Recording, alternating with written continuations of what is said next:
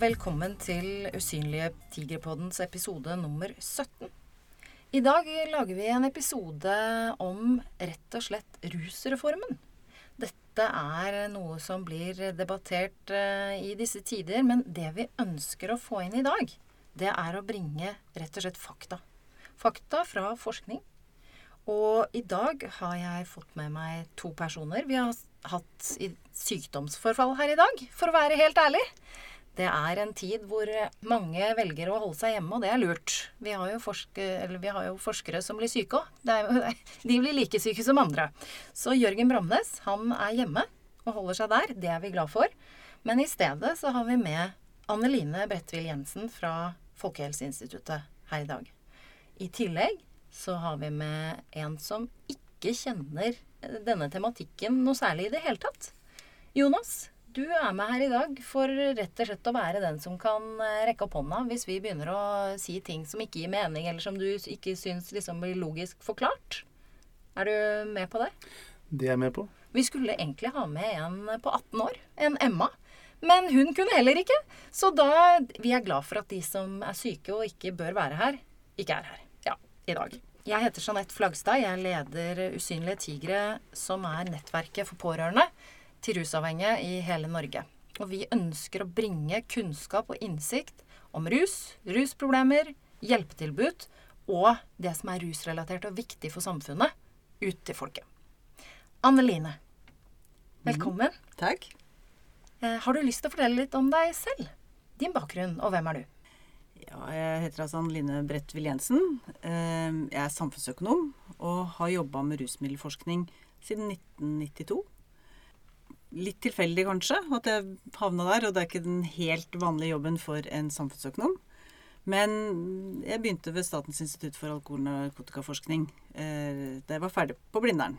Og har blitt i rusmiddelfeltet siden. Jeg hadde litt erfaring fra rusmiddelfeltet før jeg begynte der. For jeg hadde i noen år jobba på et rehabiliteringssenter for rusmiddelmisbrukere.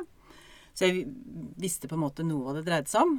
Men Statens institutt eh, jobba både med alkoholrelaterte problemer og eh, problemstillinger knytta til ulovlige rusmidler. Og jeg valgte på en måte da å jobbe med ulovlige rusmidler og jobba mindre med alkohol.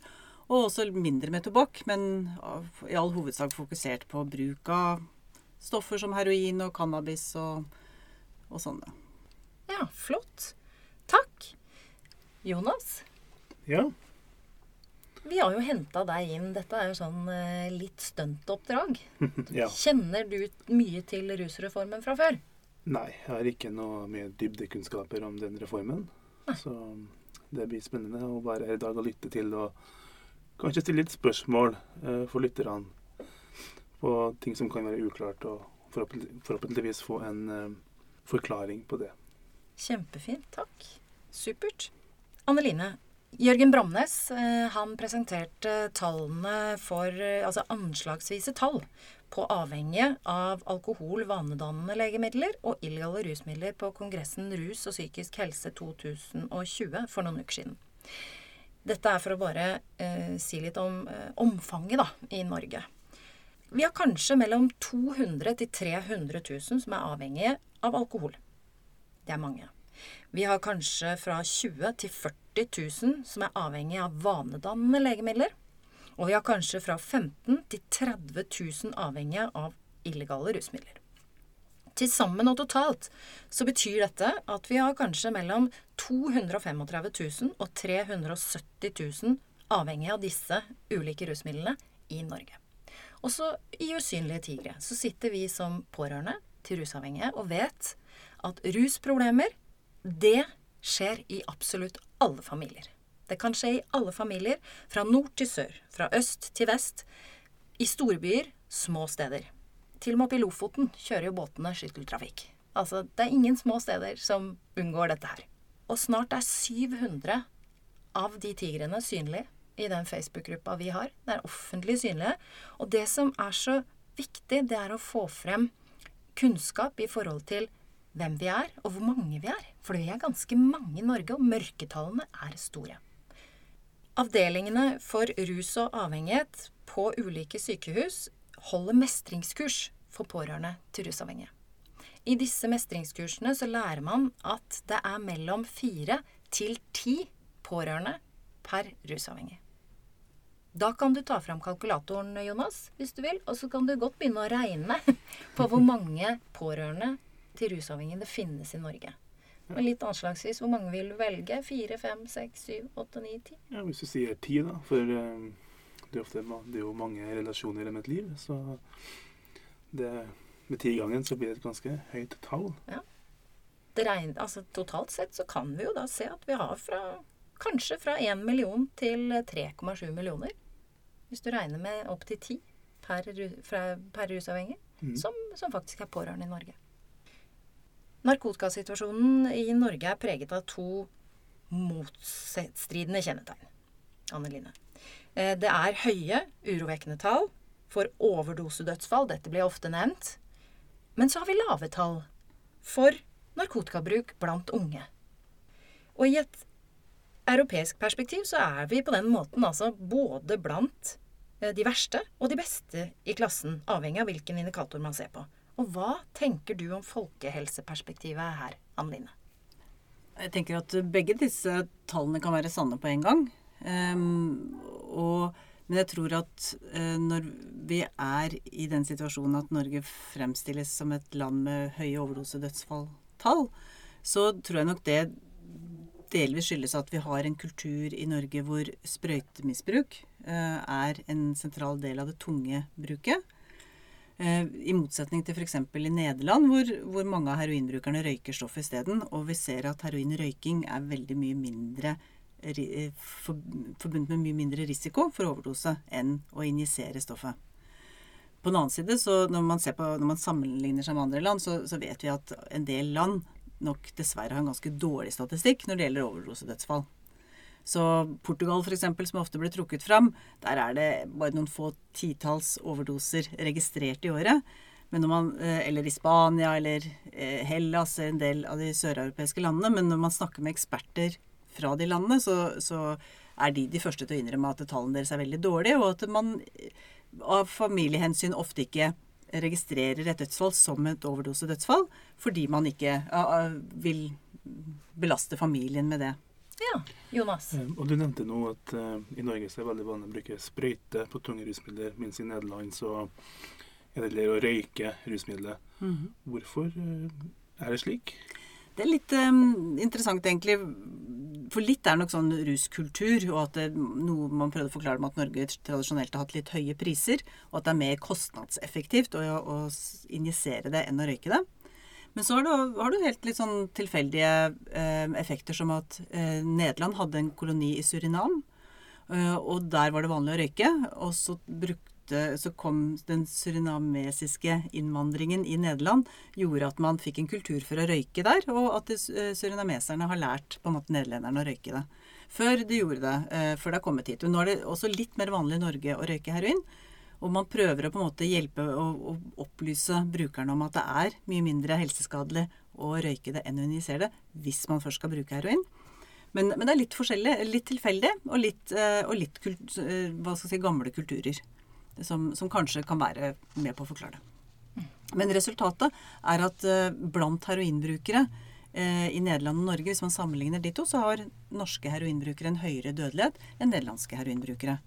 Men hvis man ser på heroinbrukere i Nederland som injiserer, og sammenligner dem med heroinbrukere i Norge som injiserer, så er dødeligheten omtrent lik. Eh, men når det gjelder det andre du snakka om, at, ja. vi, at, vi, har lave tall for, for uh, unge brukere og, og det fins egentlig ikke så innmari mange uh, studier som er ordentlig godt sammenlignbare. For måten man spør på, om man sender i post, spørreskjema i posten eller ringer, eller hvordan man formulerer spørsmålet, har ofte stor betydning for, for resultatet, rett og slett. Men det er én studie som er eh, vi tenker er ganske så godt sammenlignbart. Eh, og det er den såkalte ESPAD-studien, som, som, er en undersøkelse blant tiendeklassinger på alle skoler i 40 europeiske land. Når man sammenligner der, så ligger Norge blant de landene som, eh, som har lavest forekomst av narkotikabruk. Mens land som Tsjekkia, Frankrike, ja, Danmark f.eks. Ligger, ligger relativt mye høyere enn oss. Men det, dette varierer litt over tid. Men dette er en undersøkelse som har vært gjort hvert fjerde år siden 1995. Så, så vi kan følge noen trender i denne utviklingen. Men Norge, Norge har de siste, ved de siste fire Altså de siste fire gangene vi har samla inn data, så ligger vi ganske stabilt, og vi ligger stabilt lavt i sammenligning med veldig mange andre land. Ok. Ehm, hvilket i og for seg er jo for så vidt veldig bra. Men vi vet jo også at eh, bruken eh, virker som normaliseres blant ungdom. De virker som de syns det er ufarlig. Ja, at eh, bruken går noe oppover. Ja, den har gått opp litt, kanskje, Litt, blant, kanskje. Sko blant skoleelever, og særlig blant gutter. Eh, på videregående Mm. Så ser man noen prosentpoengs økning de siste årene i Ungdata-undersøkelsen. Eh, og det er, det, det er bekymringsfullt. Men ser man i et litt lengre perspektiv, så var også bruken i Norge rundt årtusenskiftet f.eks. høyere blant disse tiendeklassingene enn den er nå. Så dette varierer litt sånn over tid, litt helt uavhengig av eh, den politikken som føres tilsynelatende. For det er veldig mange ting som påvirker om ungdom begynner å bruke eller ikke. Men, eh, men det, er, eh, det, er, det, er, er variasjoner og, og sånn som, som ikke så lett kan forklares, rett og slett. Og det er vel sånn det er, apropos forskning. Mm. Ja. Det er ofte dessverre at man får flere spørsmål enn svar. ja. Du, når det gjelder akkurat dette forslaget til rusreform, ehm, så, så er det jo ulike ting ved forslaget. Mengdene som er indikert. Altså foreslått Jeg må liksom si det på den måten. ja, Foreslåtte lovlige mengder. Går det an å kalle det det? Nei, egentlig Nei, ikke. det går det ikke an å kalle det. Nei. Nei, bra. Fordi, ja, apropos, du er her nå med forskerståsted, og ja, Vi må, for jeg tror, tenker det er ganske viktig å være presis. Eh, nettopp. fordi at eh, den reformen som er foreslått, det er ikke et forslag om at ting skal bli lovlig. Det er et forslag om at, det, eh, at det å, om å bruke narkotika, eller det å ha noe narkotika på seg, fortsatt skal være forbudt, men det skal ut av straffeloven. Man vil ikke få en anmerkning på eh, rulleblad om man blir tatt, men det er fremdeles forbudt. Men det er forbudt på litt sånn samme måte som å kjøre for fort. Altså, hvis du i en 80-sone kjører i 90, så gjør du noe ulovlig, men du gjør ikke noe straffbart. Så den forskjellen er litt vanskelig kanskje å kommunisere. Eh, For, å, for jeg, vi får i hvert fall tilbakemeldinger om at mange ungdommer nå tror at med en rusreform så vil det bli lovlig å bruke. Men det, det er feil. Eh, Det er bare at reaksjonen på om de bruker, vil bli annerledes enn før. Ok. Jonas? Men hvordan vil en sånn endring eventuelt eh, håndheves? Det gjenstår jo å se. Eh, og det, det vil, det vil komme an på hvordan en sånn reform faktisk blir utforma. Forslaget sier at eh, hvis politiet ser deg røyke en joint f.eks., så, så vil de ta fra deg jointen, destruere det narkotiske stoffet, og så vil du få eh, et pålegg om å møte opp for en rådgivende enhet i kommunen der du bor. Og den rådgivende enheten den skal bestå av sosialfaglig og rusfaglig og ulike typer av kompetanse eh, i en sånn enhet. Og så vil du snakke med én person som eh, vil spørre om du på en måte eh, ønsker hjelp med rusmiddelbruken din. Det er, eh, det er tanken. Så det skal være denne rådgivende enheten er det det ligger i navnet. Altså den skal gi deg råd om hva du kan gjøre hvis du ønsker selv å redusere eller slutte med narkotika. Ja, jeg tror du ga svaret på det spørsmålet jeg hadde. Og da, Ja. da kommer jeg med et spørsmål. Mm. Em, blant oss som er eh, tigre, nettopp eh, nå en, eh, en fortvila mamma og pappa på sidene våre på gruppa som, som har en sønn som verken ønsker behandling eller noen ting. Og han, han vil ruse seg. Og de er jo helt utrolig fortvila. Eh, sannsynligheten for at han ville møtt i, i denne rådgivende eh, Enheten. enheten mm. eh, er kanskje ikke så stor. Eh, hva skjer om eh, den ungdommen som blir tatt, ikke møter hvor, Hvordan er det tenkt nå, så langt som vi ser nå? I, I utvalgets forslag så, eh, så er det ment at dersom en ungdom ikke møter, så, så skal kommunen prøve å finne vedkommende og motivere han for å møte. Så, men det er ikke noe forslag der om at han vil da få en, et gebyr, eller at det vil være noen form for negativ reaksjon. Men han vil bli Det er et forslag om at kommunen da bør på en måte prøve å oppsøke han og, og oppfordre han og motivere for å møte.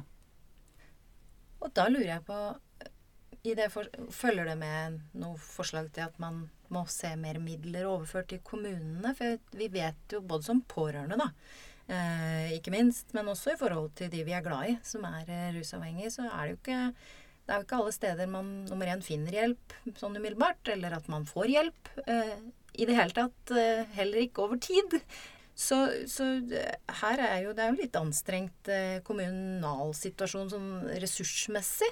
Så det å klare å følge opp de som Altså, følger det med noen midler? Har man tenkt på det? Eh, I mandatet til Rusreformutvalget så, så lå det i Så står det i mandatet at det ikke er at deres forslag ikke skal innebære at det må overføres eller tilføres nye midler. Så, så Rusreformutvalget har på en måte holdt seg til det, og de skriver at um, utfallet vil være tjent med, eh, eller at man uh, hele reformen vil være tjent med at uh, kommunene vil få overført midler, men, men, det ligger ikke i kortene at de skal få det. Nei. Så med mindre det skjer en endring der, og, og utvalgets forslag går gjennom, så, så vil ikke per nå kommunene få økt, økte midler. Okay. Ja, for jeg opplever jo at det er noen som er litt bekymra eh, for, for, det som er i bakkant her. Eh, hvor skal vi fange opp hvis Ja, for det er jo ganske mange unge som ruser seg, som, ja, som har lyst til å fortsette med det. Og det ja. ja og det, det, er ikke noen eh, det, er, det, ligger ikke en da eh, Fordi man jo overfører dette fra justissektoren til helsesektoren. Eh, og helsevesenet i Norge er basert på frivillighet og samtykke så, så, er det ingen tvangsmidler som man legger opp til skal brukes. Nei, det, er noe, det, er ikke noe, ris bak speilet her, eh, sånn det legges opp til. Ja, nå, nå, vet jeg, nå er jeg usikker om du ga egentlig det besvart på det spørsmålet jeg kommer med nå. Men hvis ikke det er noen midler som blir overført fra staten til kommunene, hvordan vil det, vil det være noen klare retningslinjer på et minstekrav som kommunene må tilby, eller vil det være opp til kommunen sjøl å ta en vurdering på hvordan de gjør det? så vidt jeg leser dokumentet, så, noen, så går man ikke så spesifikt inn i det. Det vil vel komme um, Dette vil vel være en, en, oppgave kommunene blir pålagt, og så må kommunen løse det etter beste evne. Og, og det kan selvfølgelig i små kommuner at man har interkommunale samarbeid om dette her, eller hvordan man gjør det, det, det legger man nok opp til at kommunen selv i stor grad skal, skal uh, kunne løse innafor det de har, og, og, mm, tilpasse seg lokale utfordringer. Men, eh, men det, skal, det skal jo ha en viss kvalitet. Det skal være det, det, står spesifisert hva slags type kompetanse det, som skal være i disse rådgivende enhetene. Og uh, at uh, det forsterkes med barnevernfaglig kompetanse, f.eks. hvis den som tas, er under 18 år. Å oh, ja. Så da skal barnevernet kobles inn? Mm -hmm. Og det også er jo en sånn Så, så lenge barna er under 18, så gjelder andre regler eh, enn når man er myndig og over 18.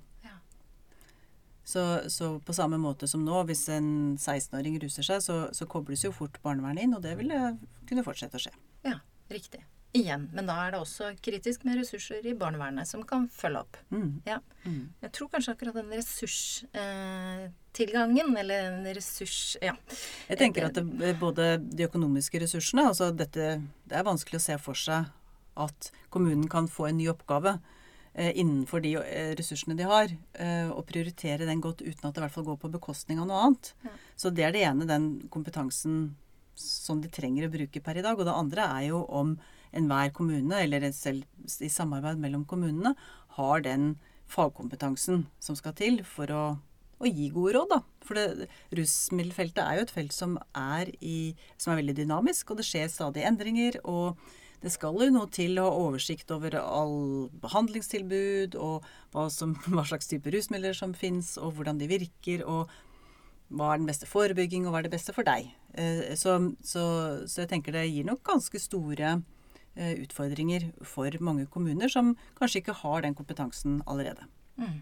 Oi, dette er et spennende felt som jeg tenker at det, her må det tenkes løsninger. I forhold til dette, dette rusreformutvalgets forslag. Gjennomføring. Du er jo forsker, og fra ditt ståsted du bringer i, i denne podkasten, så er det jo ikke din personlige mening eller på noen som helst måte. Det du bringer inn her, Anne Line, hva er det du bringer inn? Ja, Som forsker så, så, så er det klart at eh, vi har studier eh, som, som, kan belyse noen av aspektene som vil bli berørt av en sånn type endring. Eh, vi, vi, kan trekke veksler på internasjonal forskningslitteratur. Vi har egne studier som viser eh, holdninger og eh, vi har tall for hvor mange som har prøvd ulike stoffer og, og sånt. Og vi kan si både ut fra et teoretisk perspektiv og fra, og fra erfaringer fra tidligere. Altså trekke paralleller f.eks. til alkoholfelt eller tobakksfelt eller hva det måtte være som er relevant for de ulike aspektene. Så vi kan komme inn med noe faglig. Og jeg tenker at vår oppgave vil jo være å hjelpe beslutningstakerne til å ta eh, beslutninger på et best mulig grunnlag. Vår oppgave er på ingen måte å liksom si dere burde gjøre sånn eller burde gjøre sånn, men vi kan bidra og si at vel, hvis dere gjør sånn, så er det sannsynlig at det og det kan skje. Da kan de og de problemene oppstå. det er slik og sånn. Hvis dere gjør sånn, så kan det og det skje. Og da kanskje dere må tenke slik eller sånn. Ja. Men, eh, men eh, meninger, eller en, en, I denne debatten er det jo mye verdispørsmål som, som selvfølgelig politikere skal være de som tar beslutningen om. Ja. Men eh, for å klargjøre litt for lytterne, når du sier at dere gir eh, Hvis du gjør sånn og sånn, så skjer det, det kan skje, osv. Men gir dere noen anbefalinger i rapporten til hva som burde gjøres? Eh, jeg har ikke vært med og skrevet rapporten. Så, så det eh, vi gjør på Folkehelseinstituttet, er å eh, prøve å, å, å, vurdere hva som kan være mulige konsekvenser dersom denne reformen blir gjennomført. Og påpeke ting som vi tenker her er noen svakheter, her burde de kanskje ha gjort noe annerledes. Så, så vi, vi en av de tingene vi har påpekt, f.eks., er at Rusreformutvalget skriver at på bakgrunn av den eh, internasjonale litteraturen de har gått gjennom, så mener de at, eh, at, vil, at, reformen ikke vil føre til en nevneverdig økning i narkotikabruk i Norge. Og da har vi som forskere da påpekt at det er kanskje en litt for bombastisk konklusjon, fordi den litteraturen som fins per i dag, egentlig ikke er egna for å trekke en, å si det. Altså det den litteraturen som finnes, tyder på, er at kanskje ikke det er så stor endring, men man kan ikke på bakgrunn av det si at det ikke vil skje noe i Norge. Og det handler om at de reformene som har eh, funnet sted til nå, og som har vært evaluert, eh, for det første i hovedsak kun dreier seg om cannabis. Altså det har ofte bare vært cannabis som har vært avkriminalisert, og ikke alle stoffer, sånn som det er forslag om i Norge. Det handler om at mange av de studiene egentlig ikke har så god data i Portugal f.eks. Den Portugal-modellen som ofte har vært trukket fram som et, et, eksempel vi kanskje burde følge etter. I Portugal hadde de ikke data om narkotikabruk før reformen kom inn. Og da er det vanskelig å se hva effekten er, hvis du ikke har data og vet hva, hva, hvordan situasjonen egentlig var på forhånd. Andre studier har ikke egentlig sammenligna med andre land. Eh, for hvis man bare gjør en endring i ett land og ser på situasjonen før og etter, så vil man jo aldri vite hvordan situasjonen hadde vært i dette landet dersom man ikke hadde gjennomført reformen. Og det man gjør da, er jo ofte å sammenligne med andre land se, som ikke har en sånn reform, og så ser man hva utviklingen er der, for å tenke hva, hva alternativet ville vært. Den, men dette er på en måte litt sånn helt banale svakheter, eller ting som man må tenke på når man skal evaluere en politikkreform, men som på narkotikafeltet ikke er så enkelt å gjennomføre i praksis. Jeg tenker at alle disse som har gjort disse studiene, eh, vil være helt enig med meg at, at her er det mange svakheter. Men data er ofte en mangelvare, og på narkotikafeltet, fordi det er ulovlig, så er datatilgangen ekstra vanskelig. Uh, og, det, og, det har gjort at også metodene som har vært brukt, ikke har vært helt optimale. Da har jeg lyst til å bare Altså, du sier at i dette, I dette forslaget så skal alle rusmidler avkriminaliseres. Mm. Og da snakker vi om heroin, kokain, amfetamin, GHB, MDMA, cannabis Ja, alt mulig. Mm. Alt skal avkriminaliseres. Men Hva er, hva er grunnen til at vi går så langt i Norge, da? Når man ikke har gjort det. Hva, hva er grunnen til at vi foreslår det? Når andre land bare har gjort det med cannabis? Jo, og der er det absolutt land som Portugal som har gjort det samme. Mm. Så Norge er ikke det eneste landet som foreslår det. Okay. Uh, mens i um, Australia f.eks., eller i en del andre land, så, så, har man bare, så har man valgt å bare avkriminalisere uh, cannabis. Og, um, så, så, um, så før man i USA gjorde de store endringene med cannabis, så gjorde man I USA har alle endringer bare omfatta cannabis, f.eks. Men der har man gått mye, mye lenger enn det man foreslår i Norge. Men, men fremdeles så I USA er det ingen eh, debatt om avkriminalisering av andre stoffer. Men eh, både, eh, både Canada og mange amerikanske delstater har som sagt gått mye lenger og egentlig ikke er så relevant å sammenligne med okay. for det norske systemet. Men selv i, i Europa og så, så er det enkelte land som har avkriminalisert cannabis bare, og noen land som har avkriminalisert alle stoffer. Og sånn rusreformutvalget argumenterer, så, så, så er det mye mer prins- så er, prøver de å være prinsipielle, eller de ønsker å være prinsipielle, eh, sånn jeg forstår det. Og det, og det er om, om rusmiddelbruk i det hele tatt på en måte er en ting man skal straffe. Og hvis man tenker at det ikke er det, så er det ikke noen grunn til å straffe amfetaminbruk. Hvis man, ikke, hvis man tenker at det ikke er noen grunn til å straffe cannabisbruk. cannabisbruk. Da, da, da er det på en måte et, narko, eh, et, et illegalt rusmiddel, og man, har, eh, man tenker at det, dette er ikke en atferd som skal straffes. Nei, fordi at det går på individet. Da blir jo individet straffet. Men det er jo ikke bare Det vet jo vi i synlig tiger, at når noen eh, bruker rusmidler, så kan jo de drive, drive på med det både kort og lenge, eh, uten at det oppleves som noe problem for dem. Men eh, vi har jo ganske mange tigre rundt i Norge som opplever det som utrolig eh, Ja, en, en veldig krevende situasjon. En eh, alarmberedskap, og man er livredd, og det er veldig mye følelser i dette her for de som står rundt. For man er, går rundt og er livredd. eh, eh, ja, eh, alle mulige slags Ja, denne alarmberedskapen, da. Man går jo rundt og, og, og tenker at nå, nå dør vedkommende, eller nå, nå skjer det ga... Altså, Og det, så- det tror jeg er jeg, Jeg tror nok at man ehm, tenker at Eller man eh, Rusreformutvalget tror jeg og Nå kan jeg ikke snakke på vegne av dem, Nei. men, men eh, jeg tenker det er mange som er fullstendig klar over at eh, narkotikabruk ikke bare er begrensa til den personen som selv bruker, at det har konsekvenser for pårørende. Og det har også konsekvenser for samfunnet. Eh, fordi at eh, når man da f.eks. trenger behandling, så er det samfunnet som betaler for det. Eh, sånn at, og de pengene som ble brukt til behandling, kunne alternativt gått til andre ting. Sånn at eh, for all del, eh, narkotikabruk har konsekvenser for andre enn personen selv. Men, men sånn kan man, eh, hvis man skal være prinsipiell, da, sånn kan man si om en, en god del andre type aktiviteter også. Alt fra det å spise for mye, eh, røyke, eh, det å hoppe i fallskjerm. Altså det er mange ting som, som kan på sånn sett komme inn under samme kategori. Så, så det at den pårørende er berørt, og at samfunnet egentlig har, kan ha utgifter dersom det går galt, er eh, ikke mm, narkotikabruk alene om. Nei, selvfølgelig. Ja, Og straff i seg selv, f.eks. fengsel, da. Hvis du, ikke sant, du Vi har noen tall her, da. Antall rusdoser ved gjennomsnittlig styrkegrad. Altså i dette foreslått er at ja, fem gram heroin, det er altså 75 Ja, gjennomsnittlig, da. eh, Styrkegrad, så er dette 75 rusdoser. Det er 75 rusdoser for en person som ikke, har, som ikke er tilvendt. Så akkurat for okay. heroin så, så er det jo en stor toleranseutvikling når man bruker det. Så, så det er ganske stor forskjell på antall rusdoser hvis du tenker for en som er tilvendt, eller en som er helt fersk. Nettopp. Ok, Så disse mengdene ikke sant, har noe med hvor lenge man har brukt Mm. osv. Så, så, i, eh, så professor Jørgen, eh, Jørg Mørland, som har regna ut disse tingene, han har også regna ut tall for tilvendte og ikke-tilvendte. Så man ser en stor forskjell. Og heroin er, men heroin er spesielt. Altså det, har, det er det stoffet som har størst tilvenning.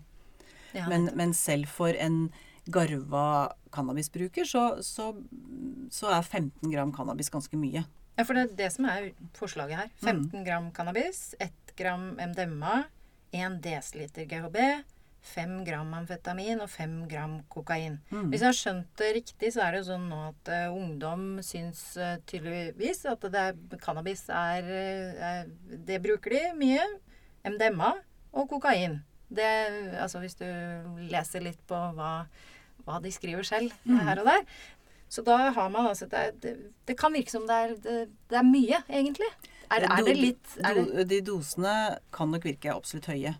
De er vesentlig høyere enn f.eks. Reg gjeldende regler per i dag, eh, som har eh, vært de grenser man har satt for at eh, man antar at det som beslaglegges, da, er til eget bruk og ikke til videre salg. mm, Så for heroin f.eks. så har grensen i dag vært på 0,5 gram, og den heves nå til 5 gram. Ja. Så, så, så, så her, så, men jeg tenker eh, at eh, de dosene er nok Rusreformutvalget også innstilt på å eventuelt diskutere. Eller de er ikke hugget i stein, så, så her er det nok eh, mulig å diskutere det fram. Men, men forslaget deres er, er relativt romslige og rause doser. Det tror jeg man mange- mange- 63 rusdoser med kokain. 28 med amfetamin. Jeg kan ikke for det, men jeg blir litt sånn Jeg, blir, jeg, jeg får litt vondt inni meg. Rett og slett. Ja. Det er nok om hjemmefølelser, da. Fordi jeg er pårørende sjøl. Mm. Så jeg, eh, det, det, det er litt mye, det kjenner jeg. eh, Ja, og, Men det som også skal sies, er at eh, det, det er nok eh, satt så høyt for at eh, garva brukere skal kunne på en måte kjøpe de kvantumene de pleier å kjøpe, uten å bli tatt for det.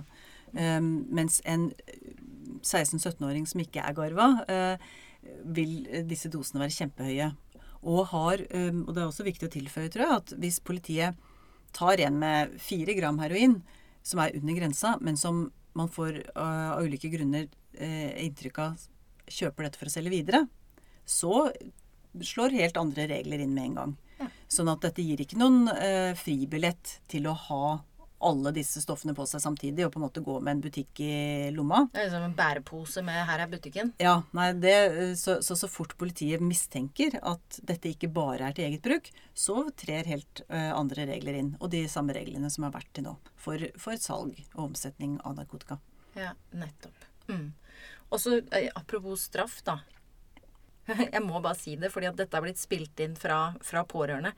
Eh, og vi har skrevet, det har blitt skrevet om flere ganger på Usynlige tigres gruppe òg. Vi som er pårørende, kan jo synes det er veldig deilig når våre kommer i fengsel. Fordi at da vet vi hvor de er. Og så får vi litt grann ro. Eh, så, men igjen, det er jo individet det er snakk om. Eh, men noen ganger så er liksom den Kanskje også så vi, vel, vi vet jo også at det er tigre der ute som Og enkeltindivider som står frem og sier at det var jo det med straffen som gjorde at jeg fikk tid til å tenke meg om. Så, ja, så her er det ulike Men det er ikke det vi skal gå inn på her. Men det, er for, det fins jo historier der ute hvor akkurat det med at, at det ikke var At du fikk, måtte stoppe opp, da. Eller fikk en Jeg tror, jeg tror reaksjon. vel, jeg tror, Ja. tenker vel at det du, det du påpeker, er vel det litt paradoksale med straff. At eh, straff også har positive effekter for individet og for de pårørende. Men straff i seg selv er jo per definisjon et påført onde som Mm. samfunnet gir for, eh, som, som respons på en atferd man ikke tenker er akseptabel. Mm. Så, så øh, Men øh, jeg har endelig hørt mange sånne historier. Både fra pårørende, øh, som er glad liksom litt letta, litt pause, litt timeout når sønnen eller datteren sitter inne.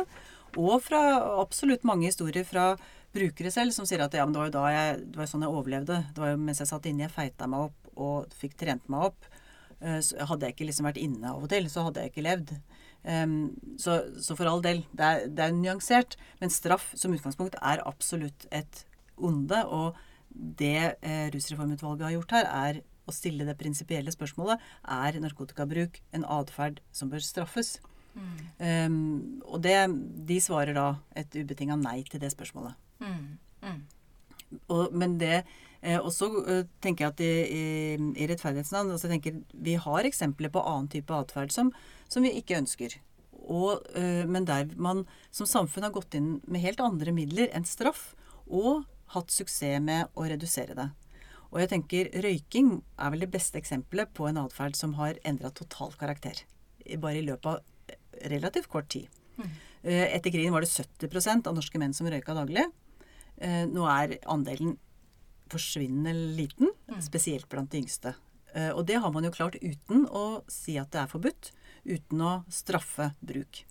Så, så, så jeg tenker det er greit å ha det litt i bakhodet, at det, det fins annen type atferd man har lykkes med, eh, og på en måte begrense, selv uten bruk av straff. Okay. Så vi må tenke at det fins andre virkemidler også. Altså dette utvalget og dette forslaget det er innenfor visse rammer og er lagt opp sånn at det er 400, over 400 siders eh, NOU? Eller? Ja, det er 400, jeg tror 412 sider. Ja. Um, og, og, og det er regjeringa som um, Den regjeringa som skrev denne Jeløya-erklæringen, som bestemte at um, Eller som nedsatte dette utvalget. Og de ba ikke egentlig Rusreformutvalget om å vurdere skal eller skal ikke avkriminalisere. De sa at Eh, vi ber dere komme med forslag om en modell om hvordan vi skal gjøre det. Så en, en endring av kontrollpolitikken kan man jo tenke har to, to ledd. da på en måte. Først så, først så vurderer man skal vi avkriminalisere eller ikke. Og hvis ja, hvordan gjør vi det? Og i, i, i denne, eh, dette som har skjedd her i Norge, så har regjeringa på en måte først selv besvart det første spørsmålet. De mener at vi skal avkriminalisere. Og så har de nedsatt et rusreformutvalg som skal hjelpe dem i å utforme denne politikken. På det hvordan-spørsmålet. Hvordan skal vi gjøre det? Mm. Mm. Mm. Ja. Bare kort for hvis det er noen uklarheter for lytterne. Eh, NO, NOU? Ja. ja. En NOU er en, eh, Norges offentlige utredning. Og det er eh, noe eh, regjeringen nedsetter, et offentlig utvalg, og ber dem besvare ulike spørsmål. Så, så, i dette tilfellet så, så, var det altså den daværende regjeringa i 2018 som nedsatte et rusreformutvalg bestående av ti personer fra ulike deler av eh, fagfelt, og, og, som da sammen eh, skulle besvare en del helt konkrete spørsmål som dette mandatet satte opp. Mm. Ok, så fordi Straff blir jo nevnt mye, men så er det jo da det vi snakker om er Vi er nok alle enige om, tror jeg, at det ikke hjelper med straff på en måte for de gamle, garva brukerne. De trenger behandling, de som vil det. For det er jo du og Jørgen Bramnes ganske tydelige på. Blant de som bruker rus, så er det jo ikke alle som blir avhengig. Og av alle som blir avhengig, så er det jo heller ikke alle som kommer til å ønske behandling. Nei. Det er jo en ganske liten andel som eh, kanskje ønsker behandling. Mm. Eh, så, så, og så har du jo de yngre brukerne igjen. Ja, så det, det er man, Kan man klare å ha to tanker i hodet på en gang? det, det, det, det, er nok fullt mulig. Uh, jeg vil bare, skyte inn først at um, Rusreformutvalget snakker om fra straff til hjelp. Og hjelp kan jo omfatte mye ting, ikke bare tradisjonell rusbehandling. Ja. Sånn at man, man, kan på en måte Eh, tenke seg at eh, jeg vil ikke på en måte inn i en rusinstitusjon, men jeg vil gjerne ha hjelp med disse sidene. Mm. Så, så rådgivende, den, den, rådgivende enheten skal kunne på en måte eh, sluse folk inn til ulike typer av enten behandling eller annen type hjelp. Men, men det er nok også ganske åpenbart at veldig mange som bruker rusmidler, ikke ser at de har et problem, eller tenker at dette er noe problematisk for meg, og heller ikke vil ønske eller se behov for at noen andre en offentlig institusjon eller etat på en måte intervenerer i deres liv. Mm. Så det, det, er, eh, det, er, en utfordring. Og eh, et land som Portugal, da, som har avkriminalisert alle stoffer, eh, og gjorde det allerede i 2001, eh, eh, de har jo da lang erfaring med dette her. Men det de har gjort, er at de har sagt at for de rusavhengige så kjører vi ett løp, og for de ikke-rusavhengige kjører vi et annet løp. Så de, så de ikke-rusavhengige de får ikke noe gebyr eh, hvis de blir tatt, men de, hvis de ønsker hjelp, så får de hjelp eh, omtrent på dagen. Det, så de økte behandlingskapasiteten enormt samtidig som de eh, innførte reformen. Mm. For de ikke-rusavhengige så vil de første gang de blir tatt, få en advarsel, og kanskje også en advarsel en annen gang. Men blir de tatt en tredje gang, så, så har de eh, muligheten til å sette inn en del såkalte administrative reaksjoner. Um, og det kan være at de enten kan få et gebyr, uh, som man vil få hvis man kjører for fort. De kan bli pålagt å møte visse steder. De kan bli pålagt å ikke oppholde seg på visse steder, eller ikke være sammen med visse personer, eller har de bæretillatelse til våpen, så kan den bli inndratt. Eller de, det, er, det, er, mange. De har en, en, en liste med, med, ting de kan sette inn hvis de tar en ikke-rusavhengig flere ganger. Hvis politiet tar en ikke-rusavhengig flere ganger. Er dette samme i dette utvalgets eh, forslag? Nei, i, i, utvalget i Norge så har de eh, valgt å, å ikke eh, åpne for muligheten til sånne administrative sanksjoner. Verken for rusavhengig eller ikke rusavhengig. De skiller ikke mellom de to gruppene. Det kunne jo høres ut som, sett fra mitt ståsted, at det ville vært fint, da. Å få det på plass. Men det er bare, det er bare Og det, og det tenker jeg vel kanskje er noe av den diskusjonen som vil komme. Ja. um, om, eh, man, eh, om man vil ønske en mer nyansert modell da, enn en den modellen. For alternativet er på en måte ikke enten at vi har det, det systemet vi har per i dag, eller går for det systemet som Rusreformutvalget eh, foreslår. Ja. Det fins mellom der fins det utrolig mange mulige modeller. Eh, Så når man skal innføre en sånn modell, så må man både bestemme hvem den skal omfatte. Man kunne valgt at den bare omfatta rusavhengige, f.eks. Mm. Man, må, man må si hvilke type stoffer den skal omfatte. Man kunne valgt at den bare omfatta cannabis, f.eks. Mm. Og man må, og må bestemme seg om man skal åpne for, for muligheten til bruk av sånne administrative sanksjoner. Og det, er, og det er flere andre ting man kan på en måte justere og, og lirke på, som gjør at man kan få en litt annen modell enn det Rusreformutvalget har gått inn for, selv om man går inn for en avkriminalisering. Ok. Så det, det her er det mange Her fins det muligheter. Mange, mange alternativer. Alternativer. Mm. Og det som jeg ser nå dette, Vi skulle lage en kort podkast. Kort og greit om rusreformen. Det er komplett umulig. Eh, Jeg er veldig glad for at Jonas har vært med her og kunne rekke opp hånda litt når vi snakker når du ber om utdypning, for det er fint. Jeg har to spørsmål, for nå skal vi avslutte, altså. Eh, og det begynner med varmt inne i studio her. jeg eh, Altså når det gjelder altså det, det som vi starta litt med det, altså Legalisering vs avkriminalisering. Noen kan vel kanskje oppleve det som at det er litt tricky å forklare det. Til ungdom, da. Fordi Hvordan skal ungdommene forstå at det ikke er lovlig når det er på en måte ulovlig, men du får ikke straff? Jeg tror, jeg tror man kan jeg tror nok det jeg, jeg tror det er en utfordring å kommunisere det. eh, At det fortsatt vil være ulovlig. Og det er nok litt fordi at vi, både ungdom og oss voksne, er, hører det gjerne vi vil høre. Eh, Men eh, Så her trengs nok et, et grundig opplysningsarbeid til for å, for å få fram eh, at det fortsatt vil være ulovlig. Vi er langt fra en legalisering. For en legalisering ville innebære at det ikke er noe At man ikke på en måte får noen reaksjon i det hele tatt hvis man bruker. Og ofte så vil en legalisering også innebære at det vil være en lovlig tilgang til rusmiddelet. Så alkohol er et legalt rusmiddel, og da kan vi kjøpe det, og vi kan bruke det. Men det, men, men det er fremdeles en del regler forbundet med det. Altså er du under 18, og du får ikke kjøpe det hvor som helst, og osv. Men, men det er lovlig. En, en, et avkriminalisert rusmiddel er fremdeles ulovlig. Og hvis man I hvert fall for meg så tenker jeg at det parallellen til å kjøre for fort hjelper litt for å forstå det. Fordi at eh, kjører du over fartsgrensen, gjør du noe som er ulovlig. Eller du gjør noe som er forbudt. Mm. Eh, Men det er ikke straffbart. Du får ikke, hvis, med mindre du kjører ekstremt mye for Ja. fort. Så, eh, så, eh, og, du blir, eh, og du da blir tatt av politiet, så har du kjørt bare litt for fort, så får du et gebyr. Mm. Men kjører du kjempemye for fort, så, så, får det en, så er det andre ting som virker inn. Ja. Men, men det er en utfordring å, å kommunisere dette her. Og vi hører jo ofte at unger sier at nå, ja, nå er det jo snart lovlig, liksom. Det er det ikke. Nei. Det blir det ikke. Det er det- ingen forslag det- om det nå.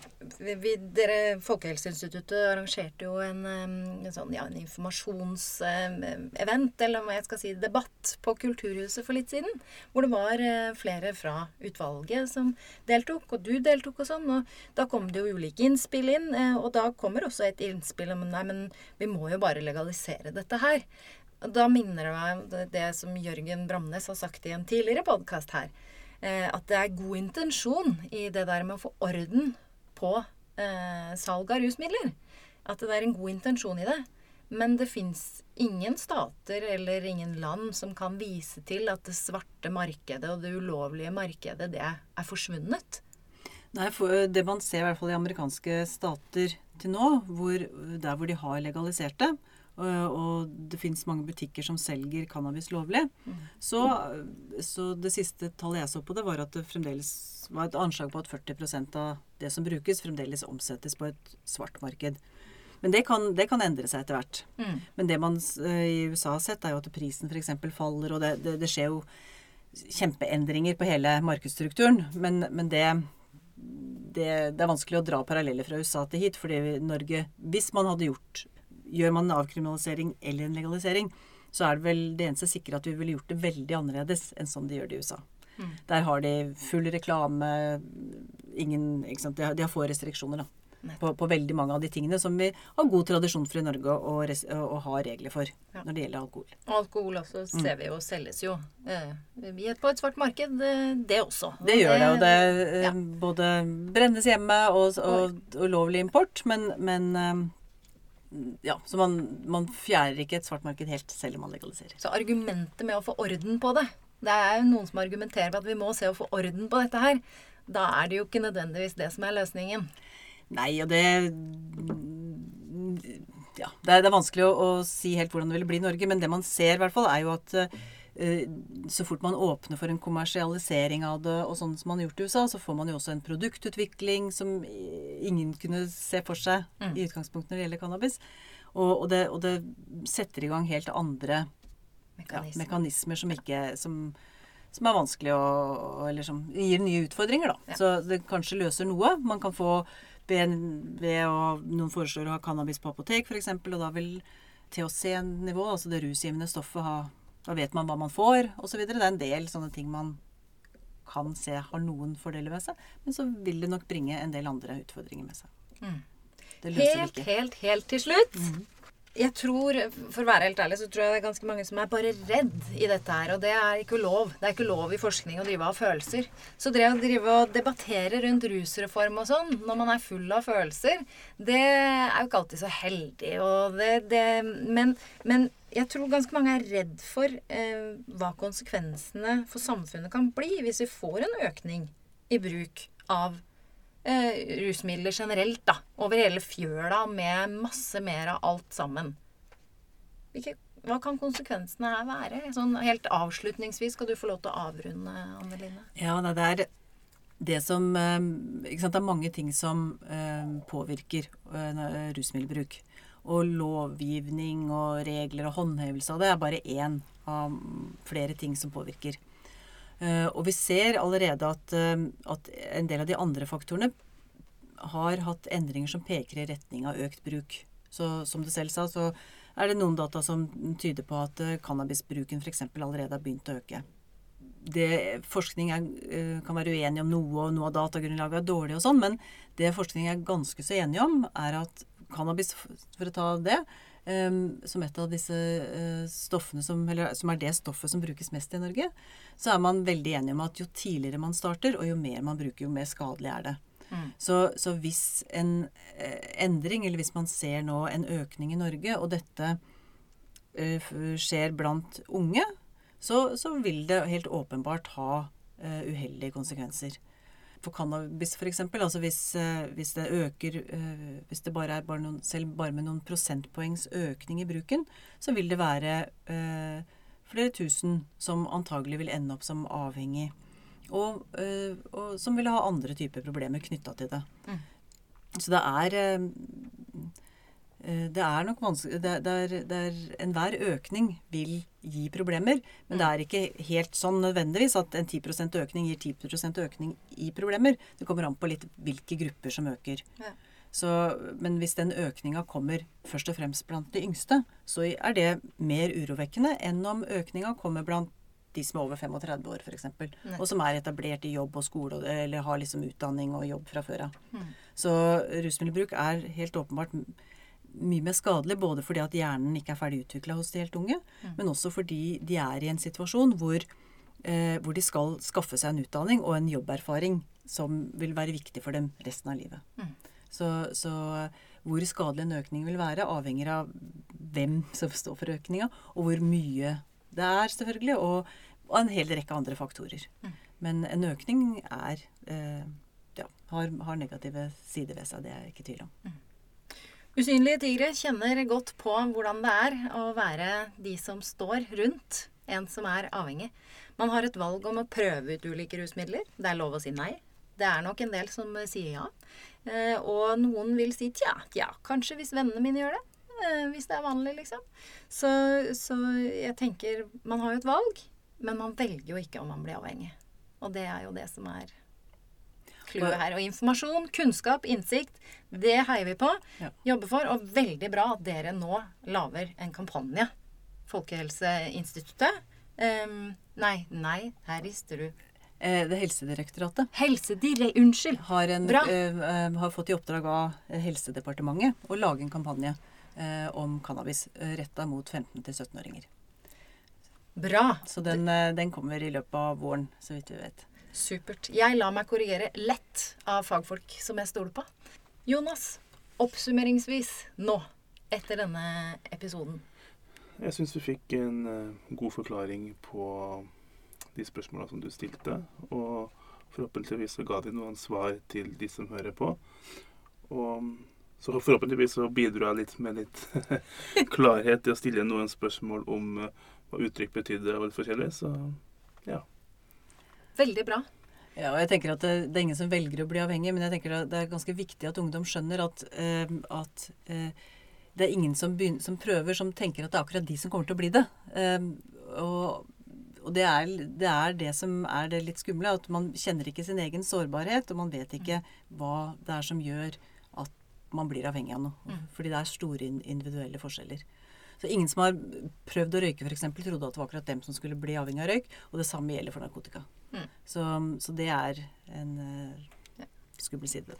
Ingen planlegger å snu opp ned på eget liv eller familien rundt. Det er, kan vi være enige om. Mm. Tusen hjertelig takk begge to for at dere deltok i denne podkasten, som ble den lengste av de vi har hatt.